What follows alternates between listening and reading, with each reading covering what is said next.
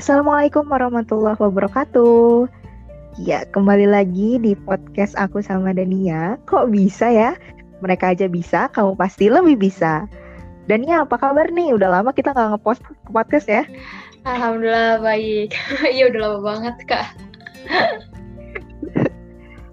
nah, makanya nih karena berhubung kita udah lama nggak podcast, terus kita sekarang bikin episode yang kedua dan episode yang kedua ini kita kedatangan tamu spesial karena berhubung uh, episodenya juga spesial nih yaitu tentang bersikap bodoh amat dalam menyikapi suatu masalah. Siapa sih dan ininya uh, guest star kita nih? Siapa ya? Ini dia Kak Umu Hanifah. Halo Kak. Hai, halo, halo, halo Modi, halo Dania. Nice to see Kenalan singkat dong Kak. Oke, okay perkenalan nih ya jadi ya. Ya Bismillahirrahmanirrahim. Uh, perkenalkan teman-teman semua nama saya Umu Hanifah. Bisa dipanggil Umu. Terus kemudian saat ini Alhamdulillah uh, baru akan menempuh studi doktoral uh, degree di uh, Graduate School of Material Science and Engineering di Nara Institute of Science and Technology Nice Jepang. Mohon doanya ya, baru mau mulai nih tahun ini. Amin. Bismillah, oh. bismillah bisa. Waduh, keren banget. Thank you. Dan... Ternyata tamu kita nan jauh di negeri Sakura ya. ya. kita dari mana ke mana? Sebelumnya terima kasih banyak nih.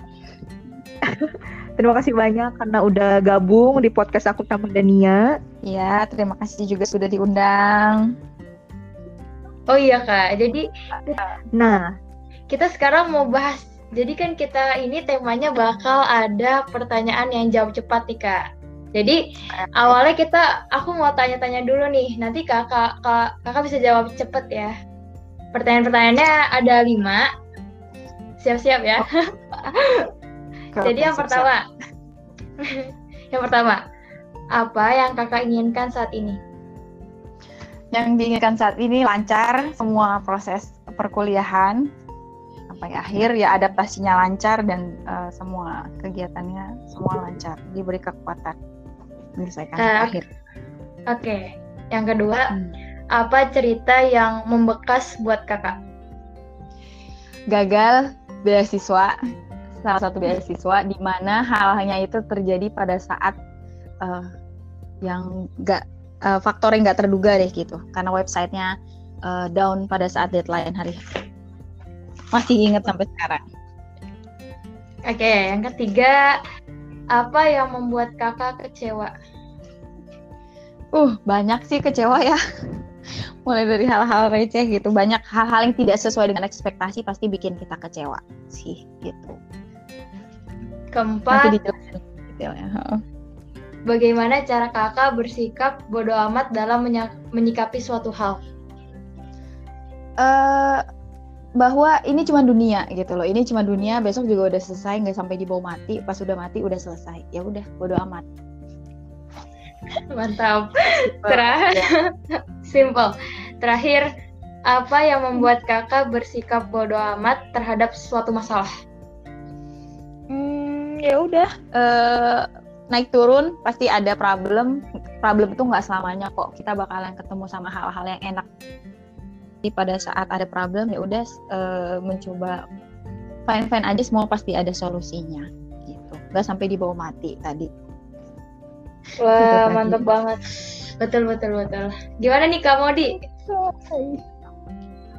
Cepet kan jadi jawabnya cepet ya? Padahal ini boleh baru jawaban singkat ya. Iya. Tapi kayak Tapi udah dalam. Udah bikin uh, udah bikin aku ah, mendapat pencerahan gitu. Oke. Okay. Nah, tapi sebelum kita masuk ke alasan-alasan kenapa tadi Kak Umu jawab seperti itu, mm-hmm. aku pasti semua pendengar juga pada pengen tahu nih, Kak Umu tuh kenapa sih pada akhirnya maksudnya perjalanan Kak Umu dari awal nih masuk apa S1 sampai sampai ke sini gitu sampai PhD. Uh, terus iya, coba Kak, gimana sih Jadi, Kak? Jadi ceritain dulu ya uh, dari background ini dulu ya berarti ya. Uh, ya berarti ya. Oke, okay, uh, aku hmm. S1 pada saat uh, 2012 ya, aku angkatan 2000, terus SMA 2012. Kemudian melanjutkan studi hmm. di pendidikan fisika Universitas Lampung. Padahal padahal SMA aku di Bekasi, orang tua di Bekasi, tapi aku Qadarullah harus nyasar ke sana gitu kan. Who knows nggak tahu. Biasanya orang kalau kuliah itu dari Jawa eh, dari Sumatera ke Jawa, ini aku kebalikannya dari Jawa ke Sumatera gitu kan nggak tahu.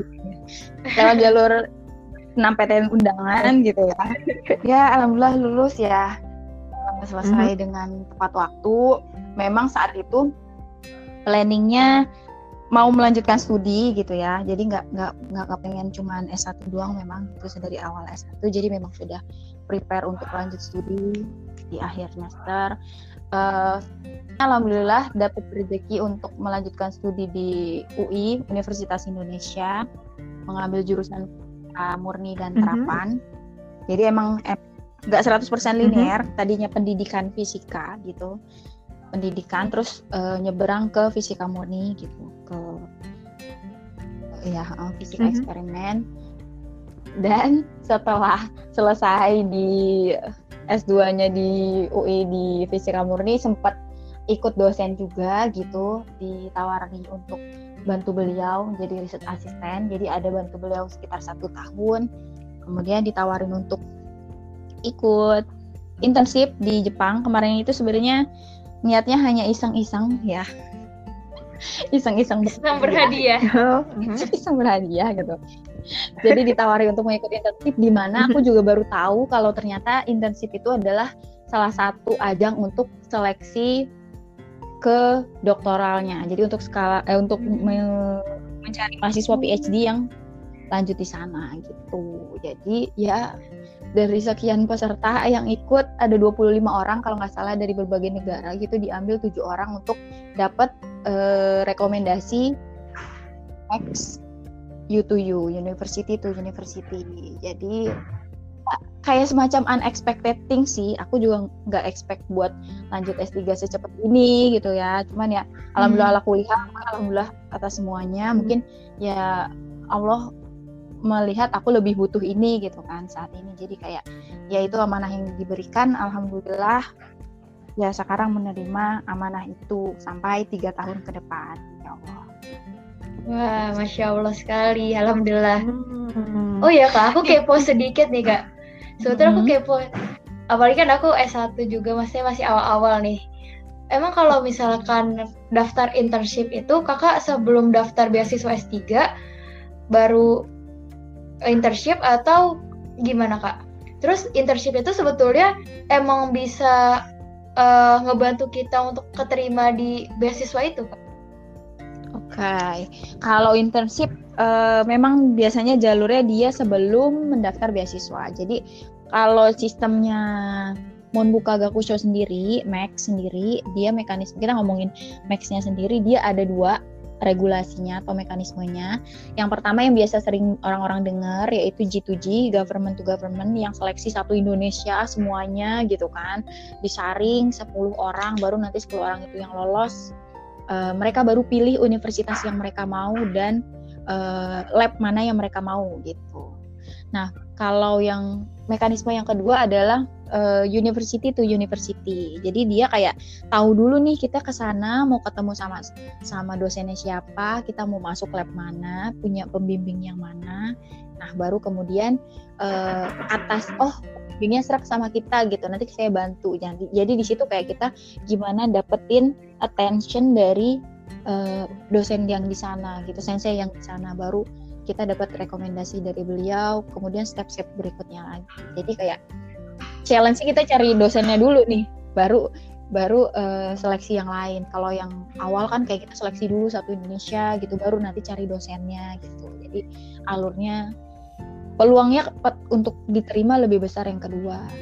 Walaupun tidak semua jalur beasiswa harus dari internship ya cuman kalau dari internship itu kayak uh, mereka juga akan lebih percaya sama kita karena internship itu kan nggak hanya jalur apa ya maksudnya main-main tapi kita memang ada progres di situ kita ada laporan yang dikerjakan di situ namanya juga magang gitu kan. Jadi diajarin dan kita dan mereka lihat ke seperti apa gitu. Jadi lebih lebih meyakinkan memang. Makanya mereka lebih uh, menerima gitu dari jalur yang seperti itu gitu ketimbang yang dilakukan sama government yang dari kedubes itu gitu. Itu kan administratif baru administratif ya sama interview yang secara umum gitu. Belum performa kerja kita di di lab yang bersangkutan gitu.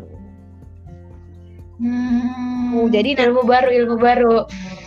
Kalau misalnya nanti S1 magang-magang gitu menurut aku it's okay gitu cari pengalaman magang karena biasanya eh, pertama kita bisa dapat sertifikat dari magang yang itu nanti bisa kita pakai buat ke depannya. Terus yang kedua itu um, kalau kita track record bagus dan dan perusahaan yang ber, yang yang tempat kita magang itu sedang mencari gitu terus kita mereka ngelihat progres kita bagus itu bisa jadi kita ditawarkan untuk menjadi uh, untuk bekerja di situ selesai kita lulus gitu. Ada ada banyak kemungkinan ada banyak kesempatan yang seperti itu.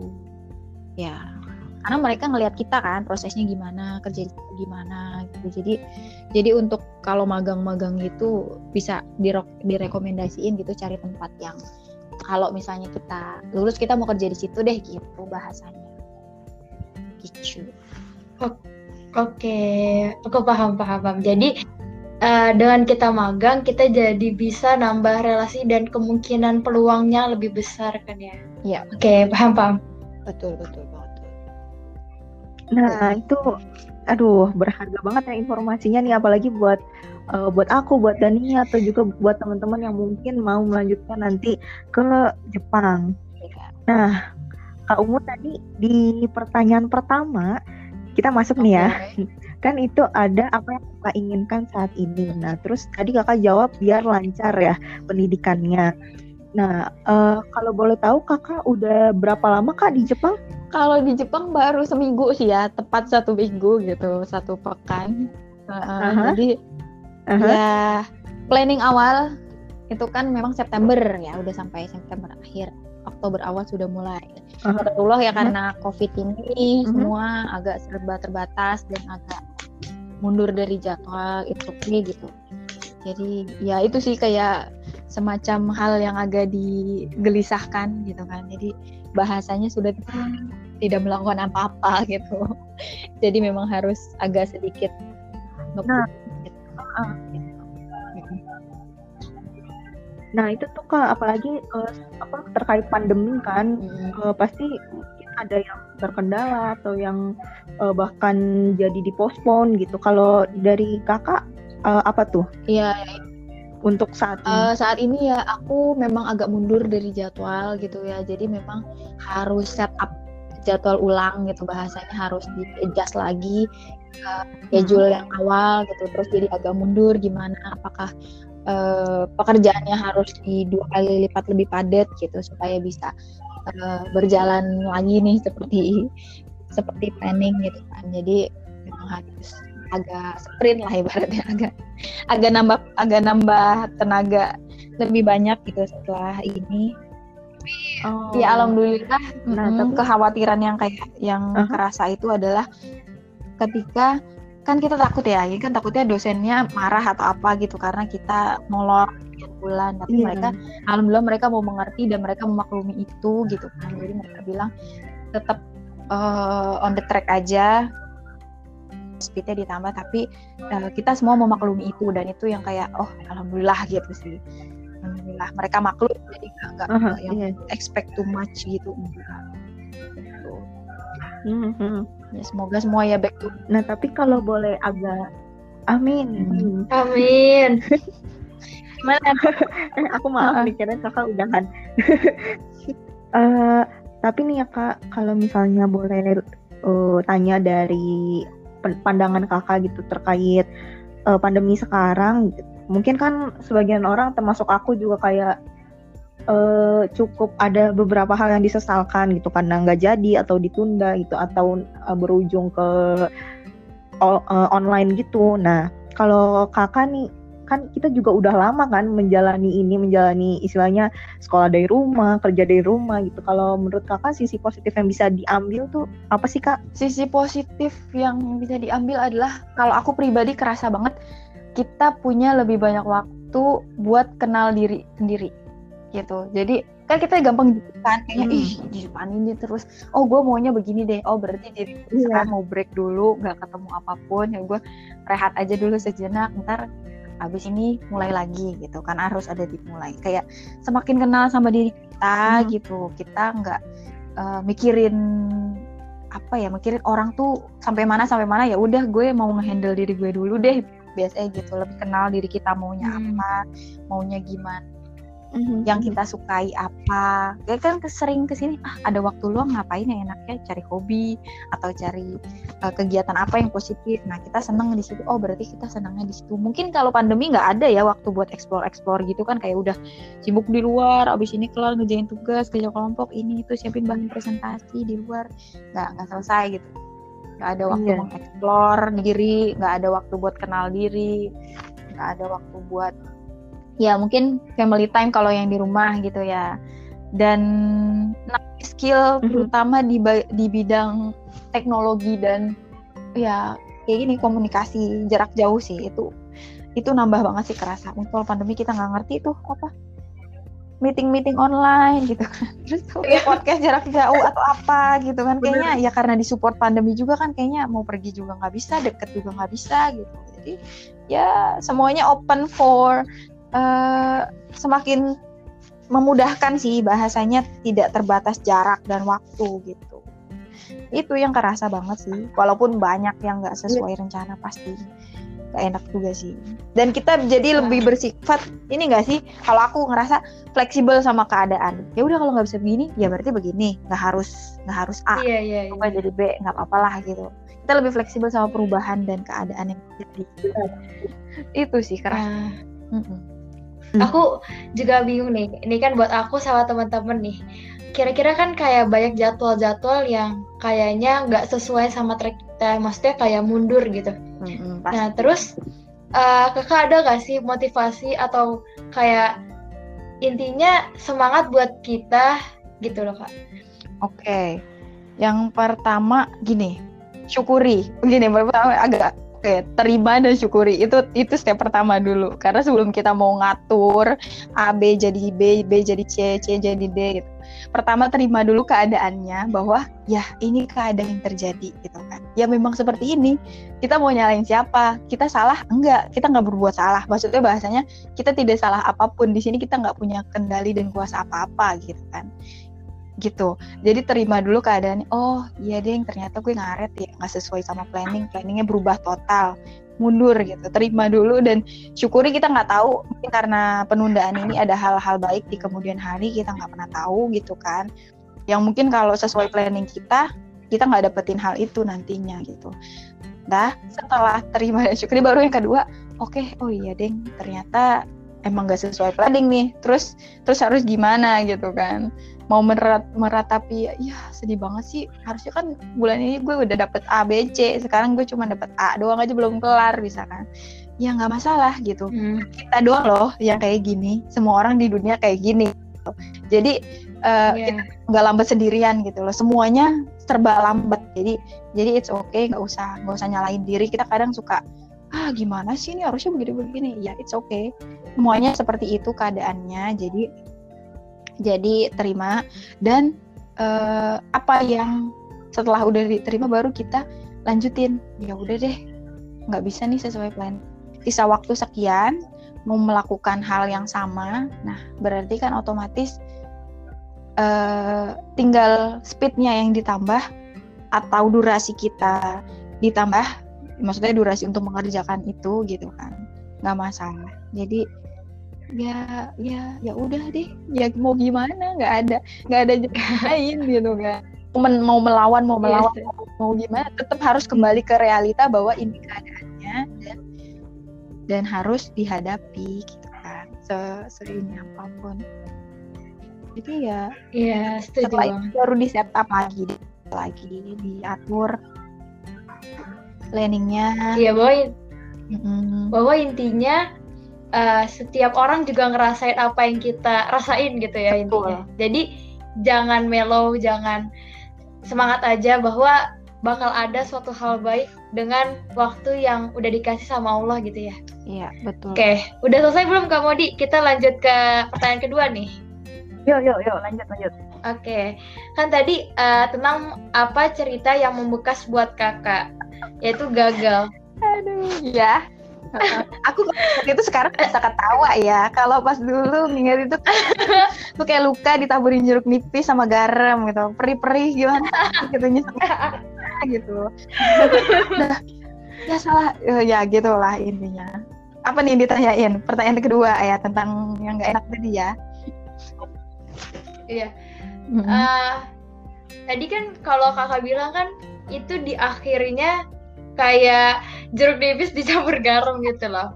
Tapi apa hal yang kakak rasa setelah kakak ngelihat kegagalan kakak di masa lalu? Oke. Okay.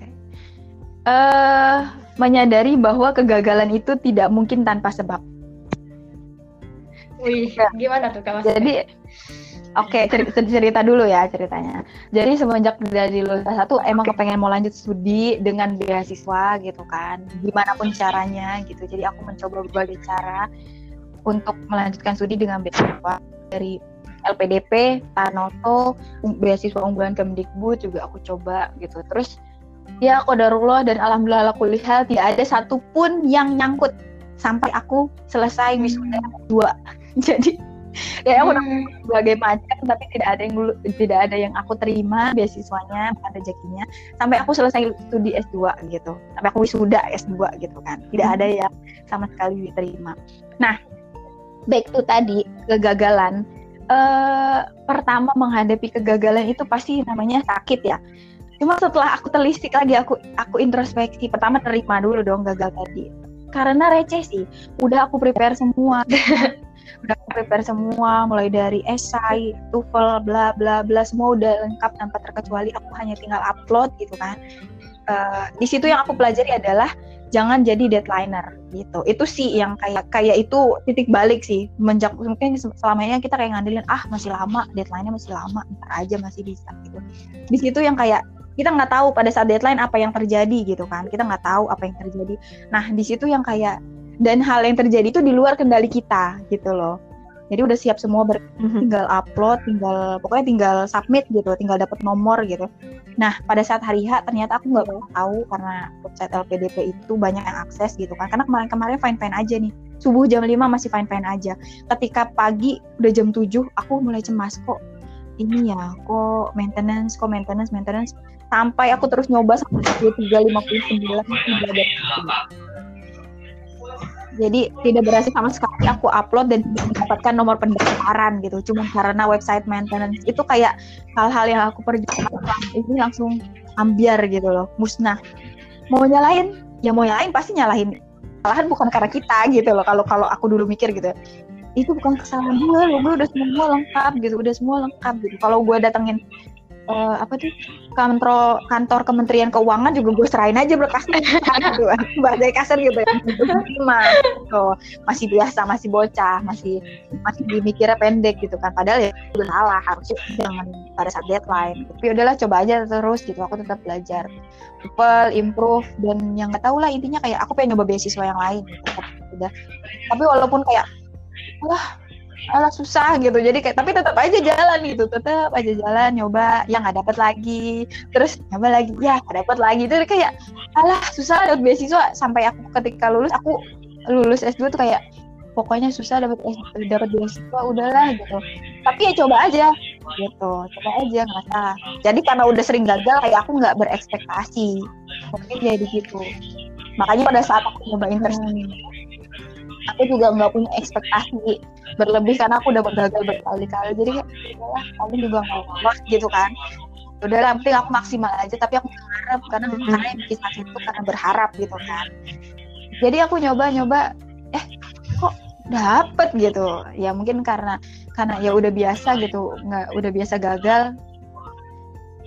Ketika berhasil aku kayak oh beneran nih nyangkut. gitu jadi kayak ya, malah kan oh, iya iya Jadi dalam negeri nggak lolos lolos gitu loh terus kalau luar negeri easily ya bahasanya ya ya lebih aku bilang mudah gitu kan nggak terlalu banyak saya nah.